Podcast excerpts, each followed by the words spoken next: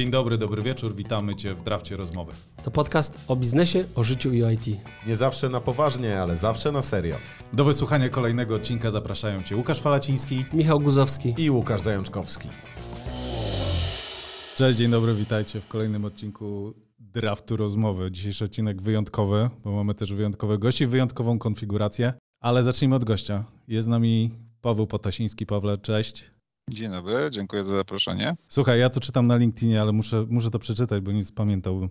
Product Marketing Manager Azure w Microsoft. Więc pierwsze pytanie do ciebie jest, Paweł, co ty teraz robisz w ogóle? To, to stanowisko jeszcze skróciłem, bo pierwotnie przez, przed słowem product stało jeszcze słowo subsidiary. W dużym skrócie zajmuję I się... faktycznie, przepraszam, jest, tylko nie wiedziałem, jak to przeczytać. Dobra, więc e, w dużym skrócie zajmuję się biznesem e, wokół platformy Azure w polskim Microsoftie, czyli wszystkim w zasadzie, co dotyczy tego, żeby polscy klienci byli z platformą, z platformą Azure na tak i żeby byli z niej zadowoleni, tak? Oczywiście jest mnóstwo ludzi, którzy się tym zajmują. Gdybym miał mówić szczegółowo, no to moją rolą jest nadzorowanie programów, które po części daje nam Microsoft Korporacja, po części wymyślamy trochę lokalnie i wyposażanie w odpowiednie narzędzia właśnie do tego, żeby, żeby klientom dawać maksimum wartości z Azura naszym ludziom pracującym z klientami, czyli segmentom. Tak, w skrócie. No okej. Okay. I to, to jest teraz, a chronologicznie zacznijmy od początku. Ja jestem ciekaw, ja mam, ja może zacznę nie od twojego początku, ale nie, na, na pewno nie wszyscy wiedzą, bo to nawet nie wiem, czy Michał, e, Michał to wie, że Paweł, ty byłeś osobą, która mnie zrekrutowała do mojej pierwszej pracy ever w, w IT. Tak zaczęła się moja przygoda z ABC Data Centrum Edukacyjne jeszcze wtedy i na rozmowę o pracę, kiedy przyszedłem przestraszony po studiach, ty byłeś osobą, która mnie przyjęła. Ja miałem wrażenie wtedy, ja byłem przygotowany, co, to co ja nie naopowiadam, żeby zrobić dobre wrażenie, a wtedy wrażenie odniosłem takie, że to ty bardziej chciałeś zrobić na mnie dobre wrażenie, bo takie było zapotrzebowanie na trenerów i mi się upiekło i zostałem zatrudniony. A my się teraz męczymy. Dokładnie, teraz chłopaki się męczą, ale... No, słuchajcie, to, to, to, to jest... To... To zawsze jest tak, że według mnie, w moim, w moim e, wyobrażeniu, to już żeśmy z Michałem Gorzowskim doszli do, ustaliliśmy fakty, że jesteśmy obaj idealistami. W, moj, w moim odczuciu, jeżeli tylko jedna strona się stara na rozmowie kwalifikacyjnej, to jest to słaba rozmowa kwalifikacyjna. No, ja się bardzo w duchu starałem. Trzymałem za siebie kciuki. A pamiętam, że byłem mocno zestresowany. Nie wiem, pamiętasz w ogóle to, że to nasze spotkanie pierwsze? Jak przez mgłę. E, niestety muszę przyznać, Łukasz, że tych rozmów było dużo. Od tamtego czasu jeszcze się sporo wydarzyło, bo to haha, to ponad 15 lat temu chyba, tak? To były jakieś początki początków, więc no od tamtego czasu sporo, sporo więcej rozmów miałem. A wtedy zajmowałeś się SQL-em, jeśli wtedy dobrze pamiętam, co się działo. 15 lat tak. temu, jak mówisz. Tak, tak, tak, tak, tak. Czy w ogóle, sorry, wejdę wam słowo, że mnie to od zawsze się Paweł kojarzył przede wszystkim ze SQL-em. No widzisz, to, to, to tak, ta ewolucja zaszła i w moim przypadku, bo generalnie kiedyś rzeczywiście byłem takim człowiekiem, który chciał myśleć i rozmawiać w SQL-u. Teraz myślę, że bardziej może, może mnie ludzie kojarzą z analityką, Power BI-em pewnie nawet. Może i dobrze, tak, generalnie obie, obie, krainy są mi bardzo bliskie. Jeszcze po drodze dowędrowały inne technologie. Teraz troszkę siedzę na przykład i, i uczę się na przykład Sparka. O. Jej. Ale to wynika z tego, że tak się zmieniały twoje zainteresowania, czy trochę taka potrzeba rynku? Both. Zawsze, zawsze jest to z obu stron, tak? Znaczy, są technologie, które bardziej kręcą człowieka i czujesz podskórnie, że o, to jest fajne.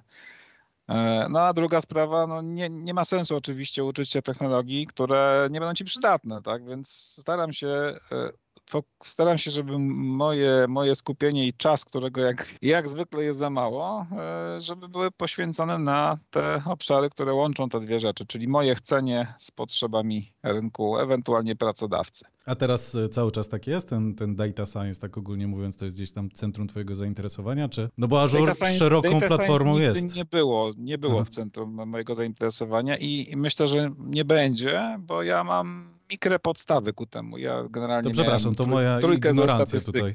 Miałem trójkę ze statystyki na studiach. ja nie miałem w ogóle, więc. Ale to, to, to, to, to powiem to skąd tak. ten Spark? Spark? No bo Spark nie jest narzędziem tylko do data science. To, to byłoby to duże, duże, ja bym powiedział, duża krzywda dla tej technologii. Spark jest, jest narzędziem do inżynierii danych. przede wszystkim, mhm. czyli do robienia z danymi co chcesz. Niekiedy mam wrażenie, że jakbym znał Sparka 10 lat temu, to byłbym szczęśliwszym człowiekiem, bo pewne rzeczy mógłbym, mógłbym napisać zamiast elaboratem SQL-owym w jednej linijce Pythona. Mhm. No taka prawda, nie? Więc jakby ta, ta, powiedziałbym tak, zawsze byłem zdania, że jak masz duży toolbox, z którego możesz w ramach pracy wyciągać narzędzia adekwatne do tego, co masz zrobić, to jesteś w lepszej pozycji niż człowiek, który rozmawia tylko w jednym języku. No i jakby dalej temu hołduję. Ja, ja, spróbuję wrócić, sparafrazuję to swoje pytanie. W zasadzie chciałbym dopytać, czy technologia to jest ciągle, ciągle coś, co jest jakby w centrum twojej uwagi, czy to już bardziej tak. teraz no wiem, tak, że pracujesz w firmie technologicznej, to wiadomo. Mm, ale czy to. No, tak... stanowisko, jest, stanowisko jest, nie, nie sugeruje tego, tak? Mhm. Jeszcze miałem nawet dzisiaj taką rozmowę z jednym z klientów, dodam, że nie polskich. Mamy takie czasami rozmowy Mniejsza o to. I, I, właśnie człowiek mnie zapytał, no ale nawet nie brzmisz jak marketingowiec. Nie brzmi, no całe życie siedziałem nad technologią, to teraz też nie brzmi jak, jak marketingowiec. I też fajne jest to, i to, to zawsze podkreślałem w Microsoftie, że po pierwsze jesteś w stanie sobie zdefiniować siebie i, i pomysł na, na to, jak będziesz realizować rolę po swojemu, mimo że blueprint jest blueprintem. A po drugie, jeśli trafisz dobrze z menadżerem, to menadżer również rozumie tę potrzebę i nawet powiedziałbym, wychodzi do ciebie z, z, sugerując, że to, to nie przekwalifikowuj się na tego marketingowca, tylko bądź takim technicznym ramieniem tego marketing and operations e, w Polsce, nie? I, i tak robię. To, to jest ja bym... właściwie, taka jest też, e, nawet się gdzieś tam e, śmialiśmy z moim szefem, że trochę jestem takim ażurowym CTO w Polsce w Microsoftie. No, ja, ja, chciałem dopytać, bo, bo ty kiedyś już byłeś w Microsoftie, mhm. potem wyszedłeś z Microsoftu i teraz wróciłeś do niego. No. I chciałem się zapytać z twojej perspektywy, czy to jest ten sam Microsoft, czy bardzo różny? Nie, coś... to jest Microsoft znacznie szybciej galopujący. To jest Microsoft, który... Znaczy kilka rzeczy zmieniło się Team Plus kilka rzeczy zmieniło się, bo się zmieniło, bo musiało się zmienić. Galopujący Microsoft wynika z tego, że technologia zmienia się dużo szybciej niż 6 e, lat temu, kiedy odchodziłem. Druga, druga sprawa, wydaje mi się, że, że też e, firma zmieniła się w środku, w sensie takim, że pozbyła się pewnych rzeczy, które przeszkadzały jej w nadążaniu z tą szybkością, no, chociażby sposób, w jaki monitorujemy naszą wydajność, narzędzia pracy, nawet analityka są na innym poziomie niż jak ja stąd wychodziłem. Ja przypominam sobie czasy, kiedy właściwie ten mój zespół ówczesny, czyli biznes grupa serwerowa, była troszkę takim prekursorem chociażby Power BI'a w organizacji. Pokazywaliśmy, że używamy tego do jakichś tam naszych rozmów z, z regionem czy z korporacją, żeby pokazywać im wyniki biznesowe. Teraz to jest norma. To po prostu przychodzisz i masz platformę, już nie pojedynczy raport, tylko całą platformę, gdzie oprócz raportów masz jeszcze narzędzia pomagające w tym, żeby od, e, od razu puścić komunikację, zrobić mnóstwo innych rzeczy wokół insightów, które jesteś w stanie z tego wychwycić, więc już nawet tego nie robimy sami. To też, żeby było jasne. Znaczy, oczywiście dalej jest pod czasem potrzeba, żeby mieć swój raport. Nie, nie, nie do końca mhm. jest, e, jest to powiedzmy zamknięty obszar, natomiast dużo więcej, dużo więcej jest e, rzeczywiście zrobione w kierunku tego, żeby zdjąć z człowieka taką, taki przemus robienia, robienia wszystkiego samemu. Powiedz, bo nawiązywałeś do, do tej technologii, cały czas ci towarzyszy. Jak tak patrzę przez nasz przekrój doświadczeń, im dłużej człowiek siedzi w biznesie i technologii, tym ten biznes się bardziej wlewa do, do rzeczy, które robimy na co dzień w pracy. Technologia jest, ale jest jej trochę mniej. No, w moim przypadku jest jej, myślę, znacznie mniej niż na samym początku. Fala, tak patrzę, to ty ciągle jesteś mocno w technologii. A jak, jak to jest u ciebie? Słyszę, że ciągle jesteś mocno w technologii, ale myślisz, że to się będzie zmieniać jeszcze w perspektywie czasu? Że będzie bardziej biznesowo, mniej technologicznie? Nie wiem. To znaczy inaczej. Powiedziałbym tak. Im ja, według mnie im bardziej jesteś doświadczony, tym bardziej do ciebie dociera, że ta technologia jest po coś. I tym więcej czasu poświęcasz na zrozumienie, no to po co ona ma być. Nawet wręcz śmiałem się kiedyś, e, jak sobie próbowaliśmy określić w jednej z firm, w której byłem zatrudniony, co to znaczy senior, to mieliśmy taką dyskusję, która doprowadziła trochę do wniosku, że senior to jest osoba, która nie tylko potrafi dobrze używać technologii na poziomie eksperckim, mówimy o, o seniorze, powiedzmy, nie wiem, konsultancie technologicznym, mhm. ale przede wszystkim będzie umiała, zwłaszcza w analityce i zwłaszcza w tych tematach datowych, zrozumieć potrzebę klienta, którą czasem, czasem klient nie potrafi sam nazwać, przekuć to na wymagania techniczne, i też jeszcze czasami nawet zarządzić projektem. W analityce niestety projekty cechują się tym, że też jest dużo polityki, to znaczy musisz szybko wciągnąć e, odpowiednie osoby w projekt, bo jak nie, to analityka będzie nieużywana i ten projekt wymrze i zakończy się fiaskiem. I dużo projektów się kończy fiaskiem przez to. Myślę, że to, to jest powód, dla którego nierozumienie biznesu w przypadku zwłaszcza projektów datowych jest e, grzechem, no powiedzmy głównym, tak? Jednym z grzechów głównych. Myślę, że my też tak do tego podchodzimy. To jeszcze tylko dopytam, czy w tym przekroju seniorskim to jest też kompetencja, że umiesz coś zrobić za osobę, która jest w tym zespole i na przykład z jakiegoś powodu wypadnie albo nie ma pełnej wiedzy. Czy to jest też dla ciebie kompetencja seniorska? Mówisz takiej tak mocnej bym, technologicznej. Tak bym do tego podszedł kiedyś, teraz podchodzę inaczej. Coraz częściej staram się, nawet jeżeli mnie to boli i kuje i mam z tyłu głowy, że pewnie zrobiłbym to lepiej, dawać wędkę zamiast ryby. To ja mam już dwa duże pytania. Każdy z nich jest grube, nie od czego zacząć, ale zacznę od tego, co teraz y, właściwie do czego się odniosłeś. Czy dajesz wędkę zamiast ryby? Jak praca w technologii, biorąc pod uwagę, jak się też zmienia i podejście Microsoftu, i jak obserwujesz cały ten trend w IT, który też się zmienia, i to trochę do tego dotyczy moje drugie pytanie, to chciałem zapytać, y, jak to zmieniło Ciebie? Jak tak naprawdę wpłynęło to na Pawła Potasińskiego? Kim był on wcześniej, a kim jest teraz z uwagi na to właśnie, jak, jak ta technologia się zmienia, jak biznes się zmienia, jak rynek się zmienia. Ula, to mnie zabiłeś trochę. Powiem tak, kiedyś, yy, dawno temu, to, to, to myślę, że to też jest dowód na to, czym, czym może być doświadczenie technologa. Poświęcałem mnóstwo czasu na to, żeby się przebijać y, do poziomu 400 przez nowinki technologiczne. Nie wiem, wychodził nowy SQL Server 10 lat temu czy 15, to siadał Paweł i zamykał się w czterech ścianach na tydzień w czasie wolnym od pracy albo w czasie, kiedy, nie wiem, pracowałem w R&D w jednej z firm i, i stukał i, i udowadniał, że tam, prawda, ci Amerykanie z Redmond to tam raz lepiej, raz gorzej. Powiedzmy sobie szczerze, miejscami była u mnie gdzieś przy, przyklejona łatka jeden z głośniej wołających kolesi, którzy czasami potrafią ten feedback dać dość gruby, nie? Mhm. To, to czasami jest doceniane wbrew pozorom. Teraz jest inaczej. Teraz z racji tego, że ta szybkość jest inna, ale jednak nowe funkcjonalności, nowe platformy, wszystko co się pojawia, jednak no, to nie jest oderwane od tego, co było, tylko jest albo, albo zastępuje, powoli wchodzi w miejsce czegoś, co istniało, albo jest rozszerzeniem tego, co istniało. Więc teraz y, myślę, że doświadczenie pozwala mi na jedną rzecz. Pozwala mi bardzo szybko odizolować rzeczy, które są tanim bullshitem i prawdopodobnie nie będą przydatne, chociaż powiedziałbym, że przez lata też nauczyłem się być bardzo, bardzo otwarty. Czasami moja percepcja i moja perspektywa to nie jest perspektywa najlepsza, nie? I też słucham argumentów innych ludzi, w tym ludzi, którzy tworzą oprogramowanie. No bo jeżeli oni, oni mają za tym jakiś grubszy plan, to może się okazać, że moja percepcja produktu czy, czy, czy funkcjonalności jest y, jakaś skrzywiona, nie? Aczkolwiek z natury rzeczy dużo mniej czasu poświęcam na takie wchodzenie w poziom 400. Bardziej staram się poznać coś e, powierzchniowo, bo jak będzie potrzeba, to sobie na projekcie, czy, czy w momencie, kiedy rzeczywiście będzie potrzeba odpowiedzenia na jakieś pytanie, wejdę sobie w niuansiki, nie? A czy cały czas cię. Jak, jak teraz podchodzisz do takich sytuacji, kiedy na przykład, no wiadomo, ten pace innowacji dużo szybszy, no ale to też powoduje, że on nie będzie zawsze tak dobry jakościowo. Jak teraz do tego podchodzisz ty? To jest dla ciebie coś, co jest new normal i trzeba to zaakceptować, czy jednak trzeba z tym walczyć?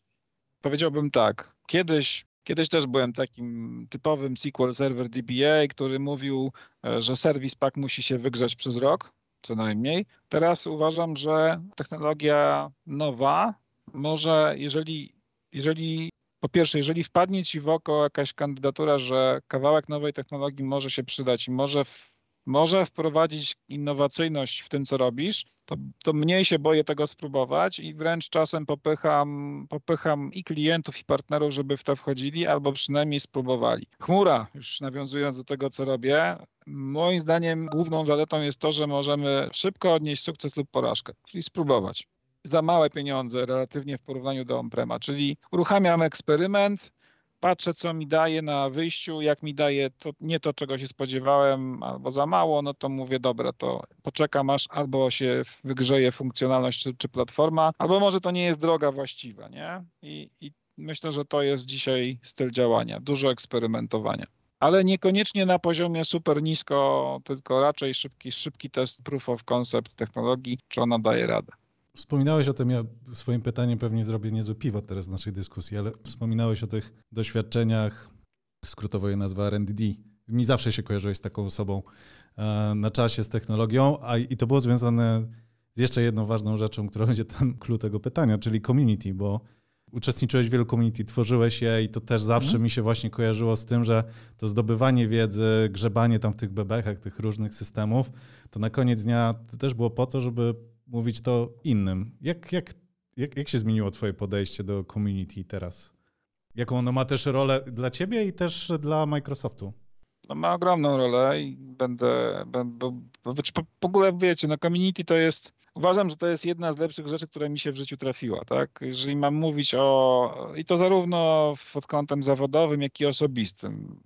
Myślę, że, że to, że gdzieś tam, nie wiem, ile to już minęło, 15 lat, tak? Mniej więcej w, w okolicach mhm. naszych rekrutacji, Łukasz jak mocniej się zaangażowałem w community, to to zaowocowało tym, że w zasadzie nie martwiłem się specjalnie ani o pracę, ani o to, że będzie mi brakowało fajnych znajomych, którzy dzielą ze mną pasję do technologii. Nie? I to są dwie rzeczy, które przez lata mi towarzyszą jako główny outcome z tego, że, że to, że to community było, było po prostu gdzieś tam ważne. E, natomiast zmieniło się moje podejście do community i to bardzo szybko, ono bardzo szybko ewoluowało. Na początku myślałem, że community potrzebny jest lider, który po prostu, tak jak powiedziałeś, wydobędzie bebechy, pokaże, pochwali się, zrobi sesję level 400. I już po pierwszym roku, jak prowadziłem grupę SQL-ową, szybko się okazało, że taki tryb e, cię zamorduje, to po pierwsze. Nie jesteś w stanie tego zrobić sam i bardzo szybko musisz sobie znaleźć osoby, które e, chcą po prostu też się w to mocniej zaangażować. Co więcej, e, idealnie jakby, jakby te osoby no, też urosły technologicznie, tak? Więc też szybko się okazuje, że z, z lidera musisz stać się swego rodzaju przewodnikiem, można powiedzieć mentorem, tak? I myślę, że takich wychowanków trochę sobie nazbierałem. Bez, bez zbędnej skromności myślę, że, że sporo osób, które dzisiaj na rynku mają jakąś sensowną pozycję i, i, i technicznie wyszły z tego community, e, no to, no to są troszkę hmm. moje dzieci, nie? E, tak no to szczerze. dzieci Pawła, zostawcie lajki pod tym odcinkiem, to no, no podbije statystyki dobrze. Były nawet historie, gdzie, gdzie to też się śmieje, bo wiecie, robiłem wiele innych rzeczy. Poza community byłem też, e, na przykład miałem przeszłość akademicką, prze, przebiegłem przez chyba pięć, pięć uczelni warszawskich, jeśli chodzi o wy, wykłady takie też technologiczne. I to też był bardzo duży plus, bo potem się okazywało, że rekrutowani przeze mnie potencjalni pracownicy to są moi byli studenci albo, albo jeszcze tam znamy się z, z innych okoliczności na uczelni.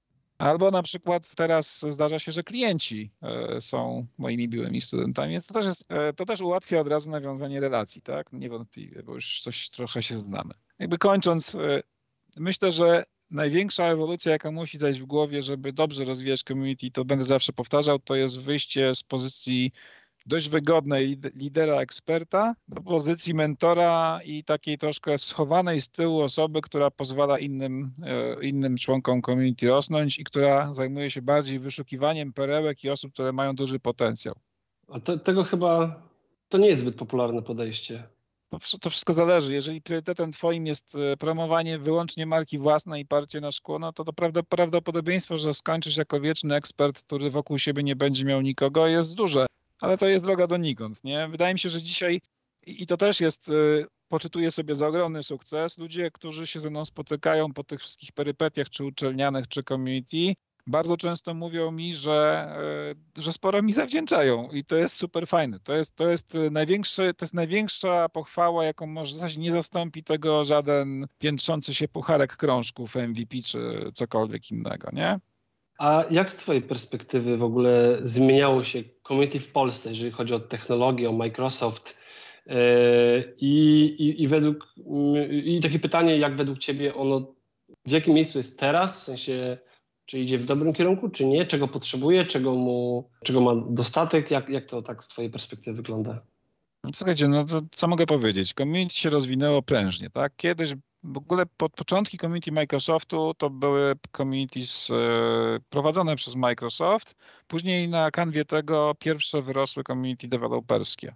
Część nazwisk ludzi, którzy wtedy zakładali grupy dotnetowe, pewnie już e, gdzieś tam troszkę przykrył kurz, aczkolwiek ja bym parę nazwisk przytoczył. Na przykład Michał Grzegorzewski, pozdrawiam Michała serdecznie. Super gość, wciągnął mnie w community na cztery łapy. I był de facto przyczynkiem tego, że w ogóle powstała ta grupa SQL-owa, która dzisiaj się nazywa Data Community Poland, więc e, no, mówię, to bezinteresowne prowadzenie gikowskich spotkań to był początek, e, początek tego wszystkiego. No potem mieliśmy sytuację, gdzie nie wiem, we trzech siedzieliśmy w hotelu pijąc whisky i rozmawialiśmy o SQL-u i pomyśleliśmy sobie, to może może coś większego z tego by wyszło. Spotkajmy się z ludźmi, pogadajmy o tym SQL-u już tak trochę poważniej i w większym gronie i się okazało nagle, że jest dużo zainteresowanie nie tylko w Warszawie, nie? Jeszcze powtórz mi pytanie, żebym odpowiedział. Yy, Jak się zmieniło i tak. czy idzie w dobrą stronę? Dobra. Tak. Zmieniło się w ten sposób, że przede wszystkim e, community nadąża zawsze za technologią, czyli wykształciły się community z technologii, których wtedy, kiedy ja zaczynałem w 2006-2007 roku nie było w ogóle na horyzoncie. Azure jest dobrym przykładem. E, mamy dzisiaj świetną grupę azurową, myślę, że jedną z bardziej prężnie działających. Podziwiam te wszystkie warsztaty, które gdzieś tam są przez nich prowadzone i to jest świetna robota. Uważam, że to zmierza w super stronę. I też na bazie tego myślę, że ludzie, którzy w tym community biorą udział, doceniają to, że to community też ich winduje bardzo mocno i eksponuje jako ekspertów, e, co jest fajne, tak? Uważam, że to jest też wartościowy dodatek. Bardzo interdyscyplinarne się stało to community, czyli widać interakcje między na przykład date'owym a, a ażurowym community, Zresztą swego czasu ono też było troszkę, troszkę było takie powiedzmy mieszane, gdzie dotnet deweloperzy potrafili się czasem dogadać z dejtowcami, choć niekiedy sesje były na zasadzie to zróbmy bitwę wokół ORM-a i pokażmy, że to nie jest dobre dla dejty. No to jednak było to zabawne, nie? Myślę, że też bardzo się community otworzyło. I to też jest trochę e, ewolucja e, idąca w parze z Microsoftem. Microsoft przecież kiedyś robił wszystko sam. Byliśmy znani z tego, że nawet jak był na rynku standard, to my chcieliśmy to zrobić po swojemu. Kilka spektakularnych wpadek z tego tytułu zaliczyliśmy. E, nie wiem, czy wiecie, ale nawet XML chcieliśmy kiedyś zastąpić swoim standardem XDR. Dziwne, że się nie udało, naprawdę. No, nie przeszło, tak. Więc jest open source, jest, e, ma super impact. Na, na data to jest w ogóle, słuchajcie, wpływ, e, no, no nie można go zlekceważyć, tak? I Microsoft dzisiaj po pierwsze, ten open source ma w platformie. No w Azurze jest, jest mnóstwo tego. Po drugie, nawet swoje produkty buduje w oparciu o open source'owe rzeczy. Spark w Synapsie, nie wiem, budowa Purview na Apache, bodajże, bodajże na Atlasie, wykorzystanie jakichś open source'owych, e, nie wiem, formatów danych i tego typu rzeczy. No to, jest, to jest dzisiaj standard i nikt już się w ogóle nie pyta, czy bazy postgresowe, mega dobra rzecz, którą mamy w Azurze. No naprawdę to, to i, i, community za tym też idzie. To znaczy przestaliśmy mówić tylko o tych e, rzeczywiście dewelopowanych od początku do końca przez Microsoft klockach. Wychodzimy i otwieramy się na, na inne communities też. E, ludzie z e, communities na przykład date'owego, Microsoftowego pojawiają się coraz częściej w innych społecznościach erowych, pythonowych czy, czy jakichś innych, nie? Też jak słucham ciebie, to sobie przypominam bo patrząc z perspektywy dłuższej, to myśmy w 2008-2009, patrzę na falę, Polish SharePoint Group zakładali, wzorując się na grupie w sumie SQL-owej, patrząc na to, jak e, Pepuk był jeszcze grupa Windowsowa z Pawłem Pławiakiem, no to... Cały czas są. Właśnie, y, cały czas są. Myśmy w pewnym momencie chyba to, co mówisz, straciliśmy to podejście, o którym powiedziałeś, że trzeba trochę mentorować, trochę zarządzać, organizować, nam zabrakło pary. My się tak zagięliśmy dokładnie. Tak, tak trzeba dokładnie. Rosnąć, trzeba rosnąć w, grup, w grupie liderów, to znaczy to nie mogą być ci sami ludzie. To też jest trochę tak, że e, wiecie, w momencie, kiedy Data Community przeszło w tryb e, oficjalny i stało się stowarzyszeniem, tam były potrzeby chociażby po to, żeby e, efektywnie realizować eventy. Jest, przepraszam, jesteście zarejestrowani jako stowarzyszenie? A, to, to jest stowarzyszenie. To jest stowarzyszenie oficjalnie z oficjalnymi spotkaniami, wiecie, zarządu, z, z, normalną, z normalnym corocznym e, votingiem, e, tam jakiegoś wotum zaufania dla zarządu, z, z rozliczaniem całego, całego budżetu. To jest duża, duża sprawa. Tak? W momencie, kiedy wchodzisz na przykład w temat płatnych eventów, e, to no musisz mieć po prostu byt formalny, który to rozliczy, choćby dlatego. Ryzyko nieudania się eventu typu Sequel Day. Nie będę wam mówił, jakie tam są budżety, ale to nie jest tak, że zarobisz na to w jeden miesiąc, nie? No tak, ale to zastanawiam się, no bo czemu koniecznie pod to zakładać stowarzyszenie? Czy to nie mogło być pod jakąś, pod jakąś firmą po prostu? I widzisz, tutaj jak wchodzimy w tematy firmy, to natychmiast rysuje się konflikt interesów, który zazwyczaj się pojawia, gdy biznes wchodzi w community. Ja jestem zdania i zawsze będę to podkreślał, że jak tylko biznes się pojawia na horyzoncie, to community przestaje być prawdziwym community. Sorry.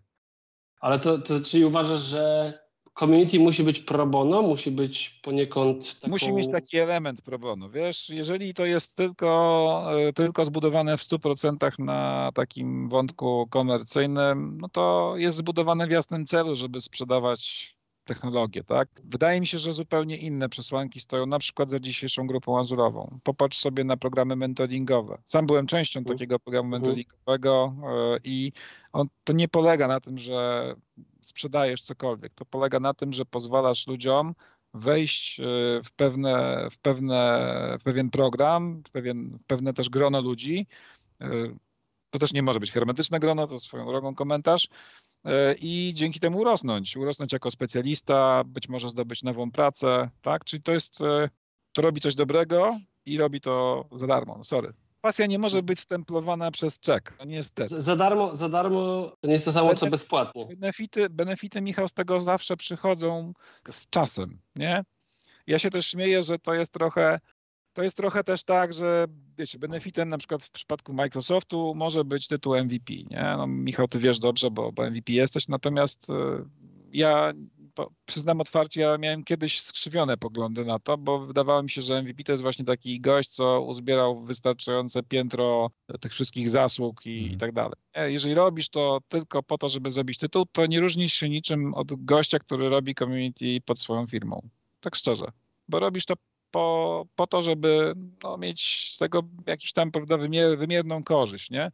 Lepszą wymierną korzyścią, jaką można odnieść z community jest to, że ludzie będą ci wdzięczni i będziesz miał z nimi zrobioną relację, która w przyszłości prawdopodobnie się odpłaci tym, że będziesz znał kogoś, z kim będziesz robił interesy. No taka jest prawda, nie? Tak, mhm. tak mi się to najlepiej zwraca. Ale, to, kiedyś, to... ale kiedyś myślałem inaczej. To, to są grzechy młodości. Człowiek był głupi, młody, widział tych wszystkich tam mądrych, świecących logotypami. Oczywiście, że to robi robotę, w sensie otwiera wiele drzwi, ale nie powinno być celem samym sobie. Jasne. Znaczy, ja akurat jestem takiego zdania, y, że to, to nie musi być konflikt interesów, to może być synergia. Nie? Na zasadzie można budować z szczerą intencją budowania innych, ale też wynoszeniem jakichś, posiadaniem własnych celów na to, nie? własnych ambicji. Słuchajcie, no dzisiaj, dzisiaj definicja community jest bardzo rozmyta. Powiem, podam wam kilka przykładów. Przykład y, budowania community wokół firmy gdzie też czasami się pojawiają oczywiście jakieś tam szczytne idee i rzeczy, które ludzie dostają pro publico. Super. Druga rzecz, nawet takie prywatne inicjatywy, typu ktoś buduje sobie e, swoją markę, no nie wiem, szkoleniową, czy, czy stronę jakąś, gdzie prowadzi swoje jakieś tam blogi, czy nie blogi i pod tym buduje na przykład, nie wiem, newsletter z zbieraniem bazy ludzi, do których potem wysyła swoje offeringi, no bo koniec końców kończy się to, kończy się to bardzo często tym, to też jest, to też jest ok, ale no nie czarujmy się. Tu, tu zaczynają coraz więcej być te, być te pokusy, żeby wykorzystać. No skoro już masz kanał dotarcia do 5 tysięcy ludzi, którzy subskrybują twój newsletter, to im coś sprzedaj, nie? Jak, jak 5%, 5 tych 5 tysięcy kupi twój produkt, to będzie z tego deal, nie? I to też nie jest złe, pod warunkiem, że mówimy o tym otwarcie. Jestem zwolennikiem nazywania rzeczy po imieniu, tak? Czyli okej, okay, rozgraniczmy to, co robię jako powiedzmy to pro publico i community od tych rzeczy, które e, no, są, są po prostu biznesem, tak? Okej, okay, no to, to, ciekawe, no bo dla, dla mnie to może współistnieć. W sensie robiąc, robić community i robić Biznes cały czas ale, można? Ale, ale nazwać rzeczy, które są e, biznesowe i które robisz po to, że dla, dla celów zarobkowych, a od rzeczy, które robisz po prostu e, jako no tak, takie... Tak, tylko skąd ta, wiesz, polaryzacja, nie? W sensie... E, wiesz co, bo za, bo za dużo było historycznie w tym community też e, historii, w których, e, w których rzeczy rozbijały się o pieniądze. Czyli e, gdzie wszystko miało być pięknie i fajnie i miało być takie właśnie, jak mówisz, idealistycznie pro, pro publiko, a na koniec okazywało się, że ktoś z kimś nie rozliczył e, konferencji, nie? Przykładów nie będę przytaczał, aczkolwiek znam ich wiele i to nie, było, no tak, to nie to, była jedna grupa, nie? Tylko pytanie, czy to jest kwestia podejścia, czy ludzi, nie? No bo tak samo firmy, możesz mieć wspólników. Ludzi. Zawsze jest to kwestia ludzi, no albo danego momentu, słabości w danym momencie konkretnego człowieka. Tak, no to jest, to jest klasyka, nie? Im, Im więcej ludzi jest w to zaangażowanych, tym większa szansa, że się trafi ktoś, kto będzie miał słaby moment w życiu, nie? Tak, tak. tak jest. Dlatego trzeba bardzo umiejętnie y, dobierać ludzi, i dlatego właśnie tutaj y, jest ten element idealistyczny. I, I, tu dochodzimy do momentu, w którym trzeba sobie powiedzieć, community to jest projekt. Tak. Znaczy, to jest, to jest ciągły projekt, powiedziałbym dostarczany w, e, w technikach zwinnych, e, gdzie musisz być odporny na zmianę, musisz być odporny na nieoczekiwane zajścia w stylu odchodzi ci lider, bo przestaje mieć czas, bo mu się dziecko urodziło i tak dalej. To jest, to jest jak firma trochę, zarządzanie firmą, tylko nie ma z tego tylu pieniędzy. Nie? Znaczy, zazwyczaj, no, możesz to zrobić inaczej. Nie? Tak, ja jestem przekorny duszę i ja uważam, że... Powiem wam, jakie były ideały na początku. W 2007 roku, jak myśmy zakładali grupę SQL-ową, to jednym z takich mocniejszych elementów e, motywacyjnych była lektura książki e, MVP z Australii, Greg Lowe, pozdrawiam, e, który opisał, to nie, to nie była gruba książka, który opisał sposoby, w jakie można community budować i rozwijać. Michał, to jest ta książka, co ci dałem. Właśnie chciałem taka powiedzieć. Żółta, tak. Taka żółta. tak, tak, tak. Generalnie y, to, co tam jest poza całą treścią, która jest absolutnie dalej aktualna, zwróćcie uwagę, że tam jest zdjęcie bodajże z Korei, community spotykającego się na stadionie w kilkudziesiąt, w kilkadziesiąt tysięcy ludzi. I to był taki spark, taki puh, takie chyby dysz, jak to mówią niektórzy, który po prostu rozniecił w nas ogień, że kurde, ale byłoby świetnie, gdyby się spotkało na narodowym. nawet kilkaset osób, może nie na narodowym, ale na przykład na, e, w Microsoftie nawet i będziemy o tym sequelu gadać. I to potem oczywiście się ziściło, no bo jak zrobiliśmy sequel Day'a już na te 600 czy 800 osób i przyszło tyle osób i się okazało, że tam nagle odkrywamy znajomości sprzed 10 lat, sprzed 5 lat i tak dalej, to było to, uważam, że to było mega osiągnięcie naprawdę. To nie jest dalej świetna sprawa. Ja, ja mam pytanie o, o dwa. Jedno będzie e, wstępem, a drugie rozwinięciem. Jak się mówi Azure, Azure, Azure? Ja nigdy nie wiem. E, jest... Dajcie Jasona. Słucham? Zależy, zależy gdzie. okay. US, US Azure, a, a, a, a, w UK nie umiem jak, jak Jason, ale Azure. I, i, I, tylko pełnym zdaniem. Richard, I am no longer Wiecie, Mów chmura Microsoftu będzie. To, to właśnie... Nie mogę mówić Azure, bo będzie w gębę i jeszcze będę musiał coś na charytatywne płacić. Tak Okej, okay. to jest Azure. E, mam o Azure pytanie. Pozdrawiamy przy okazji fantastycznych kolegów z Code Tak Świetnie to robicie. Jak twoim zdaniem będzie się to rozwijać. Jesteś blisko technologii, jak, jak biznes, jak technologicznie będzie się rozwijać i jak biznesy będą to wykorzystywać. Bo patrząc po przekroju naszych klientów, to, to nie jest tak, że wszyscy bardzo chętnie do tego Azure wchodzą, e, może nie wiedzą jeszcze jak, po co, a ty jesteś bliżej, myślę, może pod, pod, podpowiesz jakieś strategie. Wiecie, ja tam mam skrzywienie, tak, jak siedzę w Microsoftie. E, no wyścig jest e, duży, tak, jest, jest e, szalona konkurencja, tak, mamy trzech dużych hyperscalerów, którzy robią wszystko, żeby być coraz lepsi, coraz szybsi.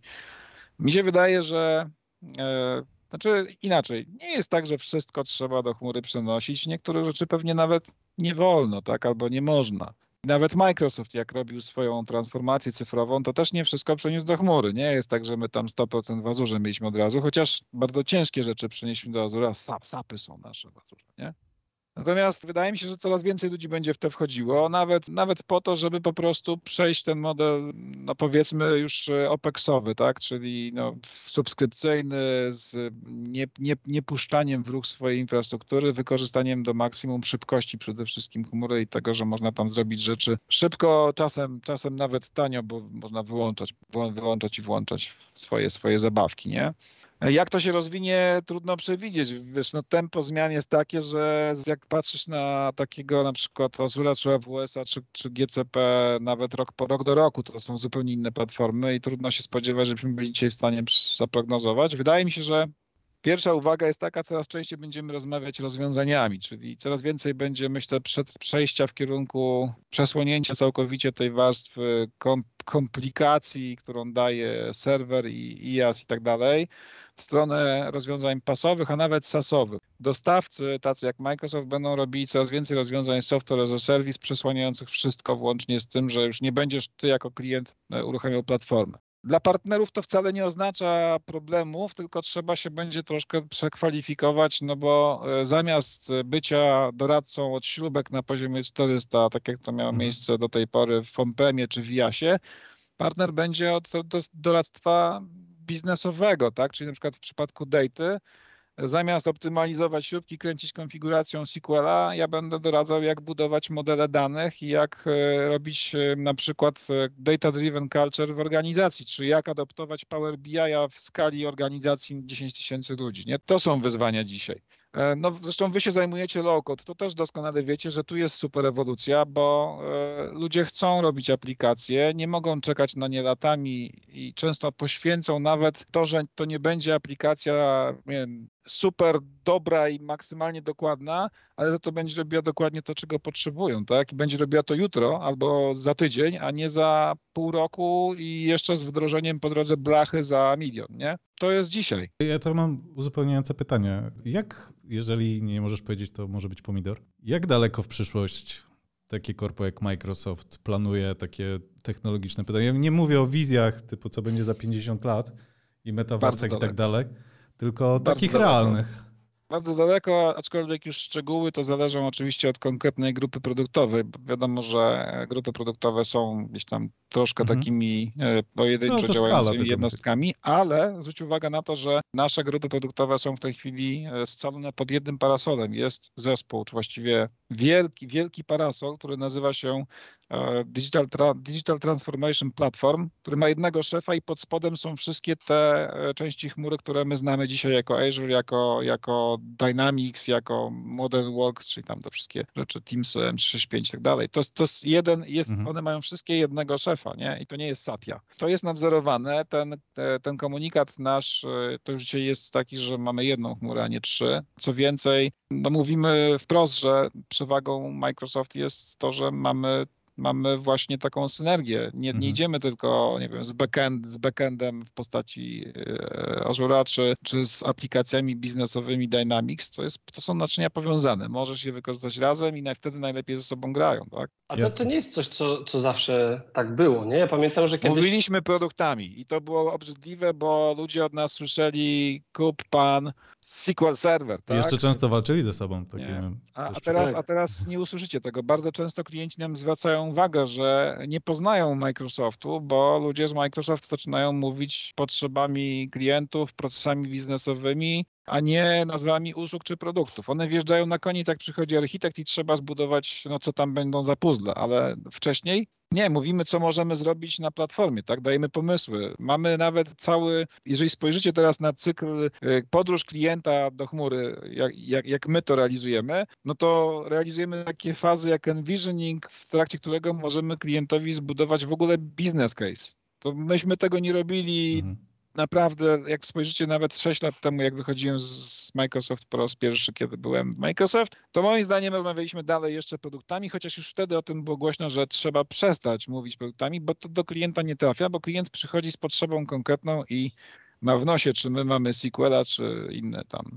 To jest, to jest według mnie, ja jestem też ogromnym fanem i zwolennikiem tego podejścia, ale tutaj muszę zadać y, może niewygodne pytanie. Kiedy wewnętrzne rozliczanie się zmieni na nieproduktowe? Wbrew pozorom one się już zmieniło na nieproduktowe, no bo y, ludzie są liczeni w zasadzie wyłącznie z tego, że rośnie dana chmura, ale Myślę, że tu nie zdradzę za bardzo żadnych tajemnic. Jesteśmy też na przykład liczeni z tego, jak w tej chmurze, jak z tej chmury korzystają partnerzy, czyli ile jest rozwiązań partner-driven, a to już jest zupełnie inna para kaloszy. Bo to oznacza, że coraz większe, znaczenie, coraz większe znaczenie nabiera dla nas, e, nie wiem, marketplace, AppSource e, i rzeczy, które tworzą partnerzy jako gotowe rozwiązania na Azure. To, co wspomniałem, transformacja w kierunku software as a service i oferowanie gotowych rozwiązań adresujących konkretne potrzeby biznesowe, bo to, to są rzeczy, których szukają ludzie, a nie drapanie się w głowę i pytanie, no to jak to zrobić, żeby dojść od punktu A do punktu B i zoptymalizować mój, nie wiem, łańcuch dostaw, tak? Mhm.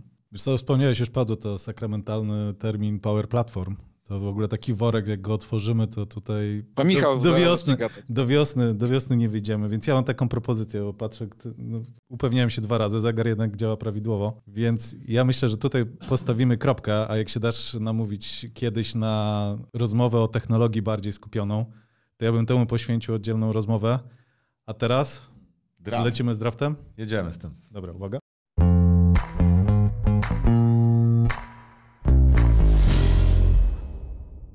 No dobra, to tylko słowo wprowadzenia. Draft to tutaj ta luźniejsza, luźniejsza część naszej rozmowy. Pomysł jest taki, jest nas czterech, więc ograniczymy się do trzech wyborów tym razem. Będzie, w streetballu będziemy grać. Okay. Trzeba wybrać trzy korporacje, w których chętnie byśmy pracowali no, na jakimś wyższym stanowisku. Tylko myk jest taki, że te korporacje muszą być fikcyjne.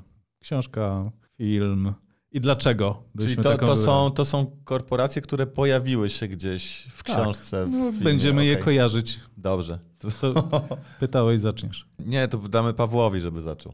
Tak, Paweł, do, czujesz się dobrze z tym, żebyś zaczął? Śmiało mogę, mogę zaczynać. Dobra, to pierwszy. No dobra, pierwsze to będzie, nie wiem, Marvel Company.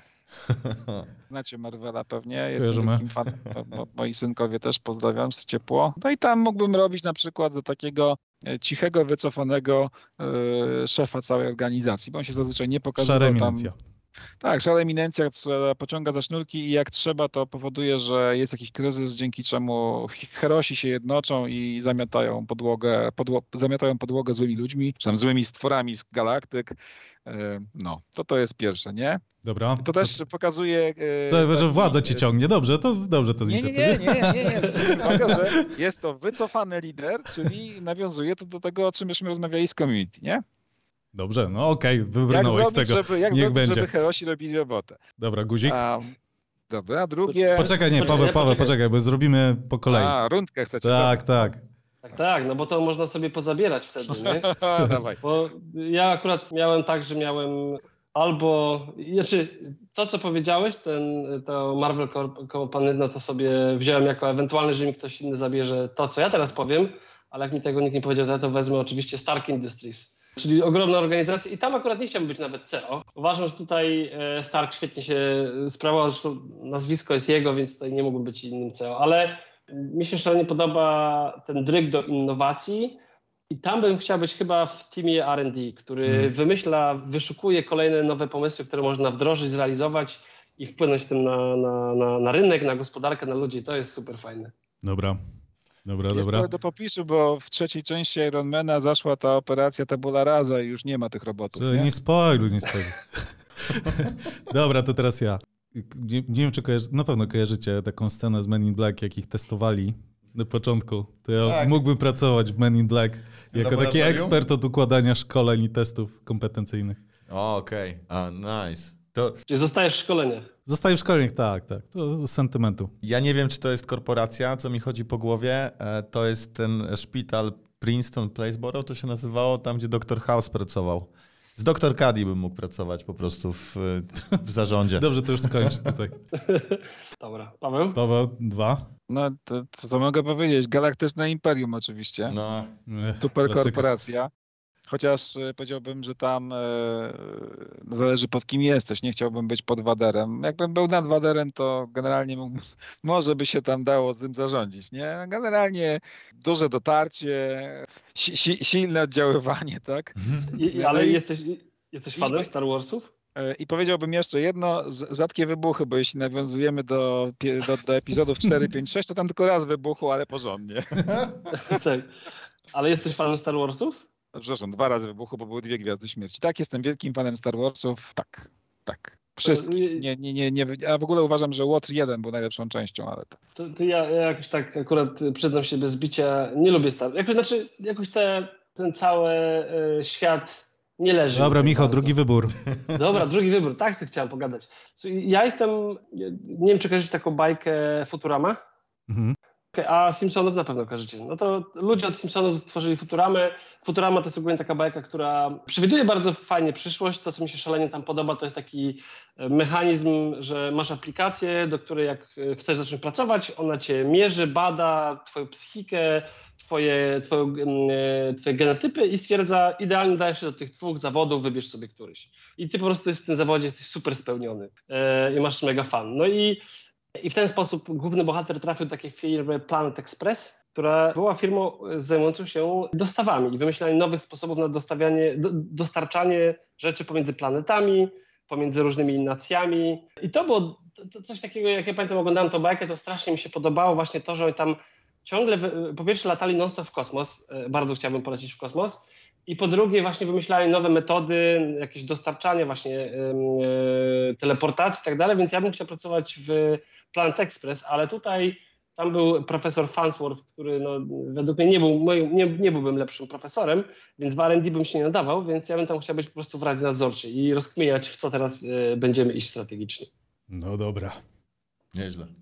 Trzeba będzie obejrzeć. No jak, dokładnie. Ja też mam z bajki, bo moje dzieci z kolei teraz y, oglądają pasjami minionki.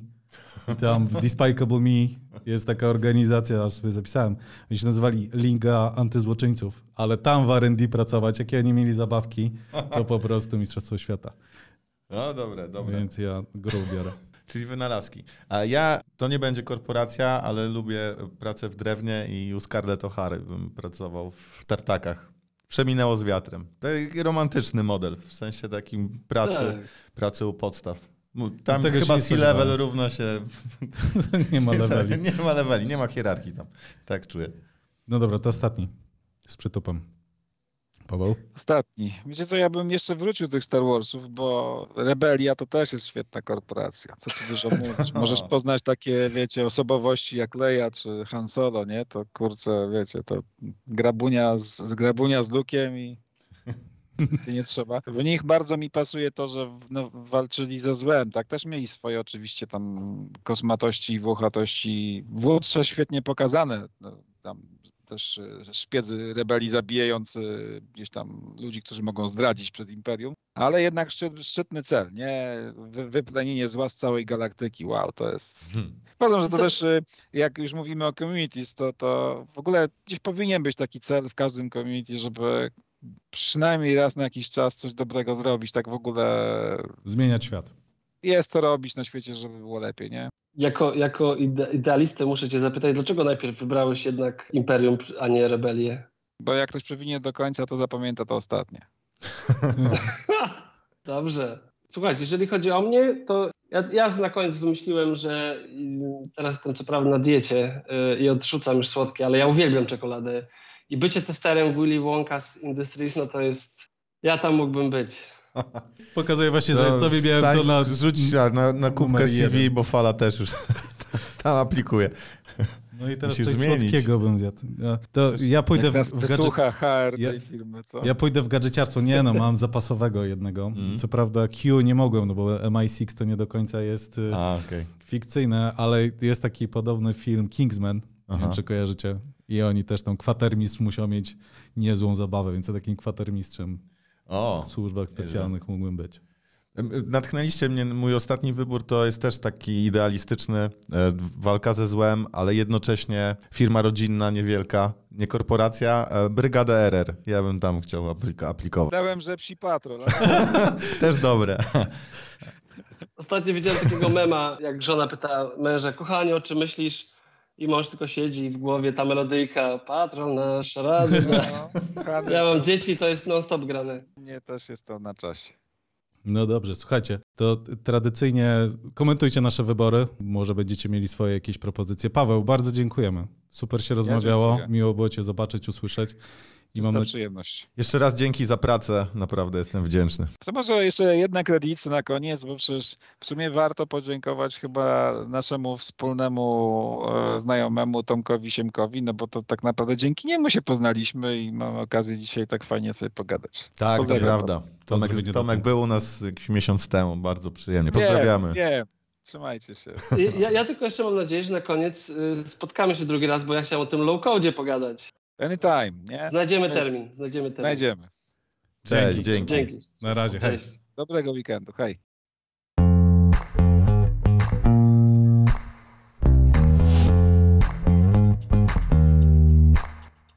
To był draft rozmowy. Jeśli Wam się podobało, subskrybujcie nasz podcast i nie zapomnijcie wystawić ocenę. To dla nas ważna rzecz. Motywuje do dalszej pracy i pozwala rozwijać ten podcast. A na Facebooku założyliśmy specjalną grupę, na której możecie komentować nasze przemyślenia oraz wybory w draftach. Pamiętajcie też, że poniżej znajdziecie opis tego odcinka, w nim wszystkie przydatne linki.